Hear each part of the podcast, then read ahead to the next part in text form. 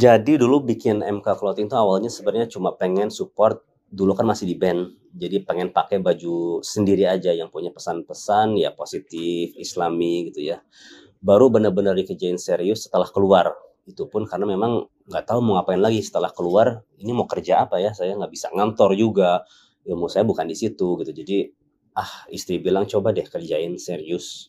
Sebagaimana kamu dulu autodidak mempelajari musik, pakai juga untuk mempelajari bisnis gitu. Jadi dari situ mulai mempelajari bisnis dan enaknya tuh udah ketemu sama teman-teman mereka ngasih semangat bilang ya memang bisnis tahun pertama jangan heran kalau rugi ataupun minimal BEP aja itu udah bagus sekali gitu. Jadi uh, jadi kita nggak bisa juga berharap setelah keluar dari suatu pekerjaan yang mungkin menghasilkan uang lebih banyak terus kita pindah terus berharap kita dapat yang sama dengan uh, pekerjaan dulu. Jadi harus di mindsetnya harus dibalik lagi bahwa kamu nggak punya apa-apa, kamu bukan siapa-siapa dan kamu juga nggak punya pendapatan. Jadi ngerangkak lagi dari bawah. Harusnya lebih mudah karena kita udah, insya Allah kita udah berilmu sebelumnya gitu beda kalau kita baru karena waktu main band juga awalnya sama ngerangkak gitu kita nggak tahu kita nggak tahu ilmunya semakin digelutin insya Allah semakin lancar nah itu dipakai prinsip itu tapi di bidang yang yang halal insya Allah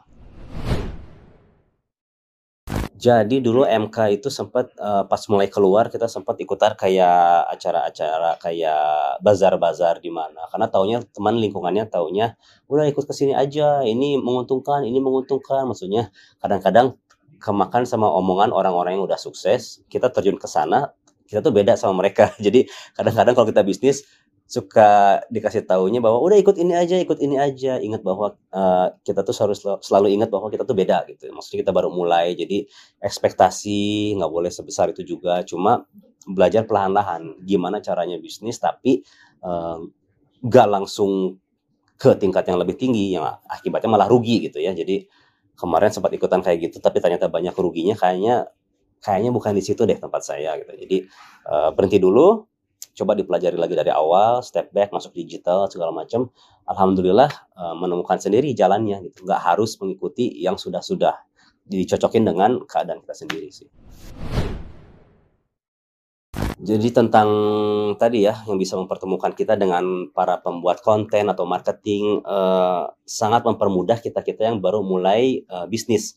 Karena kalau kita baru mulai bisnis itu pengennya semua dikerjain sendiri mulai dari desain kita, marketing pengen sendiri, segala macam distribusi pengen kita sendiri, sampai desain baju juga pengen sendiri. Nah kenyataannya ketika kita udah mulai tumbuh, itu harus pilih. Kamu mau jadi apa? Mau jadi desainer, fokus di desain, atau mau jadi marketing, fokus di marketing. Jadi nggak bisa semua itu dikerjain sendiri. Nah alhamdulillah insya Allah kalau ada solusi gitu buat anak misalnya pribadi, oke okay, fokusnya di uh, di desain misalnya udah marketing harus diserahin ke orang lain bikin konten harus diserahin sama orang lain. Kalau enggak nggak balance. Hari ini sibuk desain besok sibuk marketing. Nggak bisa yang ada malah nggak akan jalan secara stabil ya. Nah di sini juga dico uh, cobain karena ngedesain pun juga kalau udah mulai desainnya banyak nggak mungkin satu orang bisa ngedesain semua artikelnya gitu. Jadi memang sangat ngebantu kalau kita butuh desain kita cari misalnya apa uh, penengahnya atau aplikasinya. Ini mau bikin mau nyari orang yang bisa bikin desain baik itu baju tapi konten juga bisa nge-marketing. Insya Allah itu sangat membantu sih. Mudah-mudahan buat kasih solusi bisa uh, yang pertama ya uh, bisa ngasih awareness kepada seluruh seluruh semua orang sih ya yang pastinya karena uh, ini kan sebuah masalah ya bagi uh, kita yang pelaku bisnis. Apalagi kita mencari misalnya uh, pembuat konten yang dalam arti syari yang bersih gitu segala macam.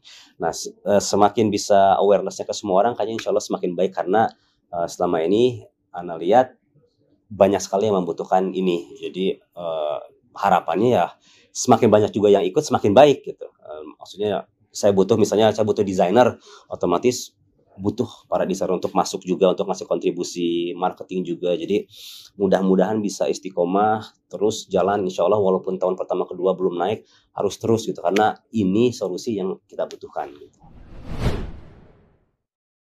Uh, kalau saya berkaca pada kesalahan saya sendiri waktu mulai bisnis adalah prinsipnya jangan mencoba untuk melakukan semuanya sendiri. Nggak bisa. Yang pertama kita akan uh, kecapean karena kita juga pasti ada keluarga, harus juga ibadah yang lainnya. Kalau kita coba melakukan itu semua sendiri, habis waktu. Jangan pernah berpikir bahwa kalau saya misalnya ngegaji orang nanti uang saya bakal makin sedikit. Enggak, insya Allah kita dengan membantu ikhwan akan bertambah juga gitu. Jadi sukses tuh bisa bareng-bareng. Kalau sendirian kayaknya agak berat ya untuk orang mengelola sebuah perusahaan yang besar tapi sendirian. Walaupun kadang-kadang kita belum bisa ngegaji orang gitu, tapi uh, niatkan saya ngegaji siapa tahu bisa berkah karena bisa ngasih makan orang gitu. Insya Allah uh, usahanya pun akan maju dan bisa jadi pegawai kita mendoakan kita. Terus yang kedua juga ya untuk uh, pengusaha jangan berhenti walaupun rugi karena masukan yang diberikan kepada saya dari senior-senior yang udah pada kerja di bidang clothing mereka bilang kalau tahun pertama rugi, tahun kedua rugi ya seperti itu. Cuma istiqomah sebisa mungkin aja. Insya Allah di tahun ketiga keempat, apalagi kita baru belajar, insya Allah bakal sukses.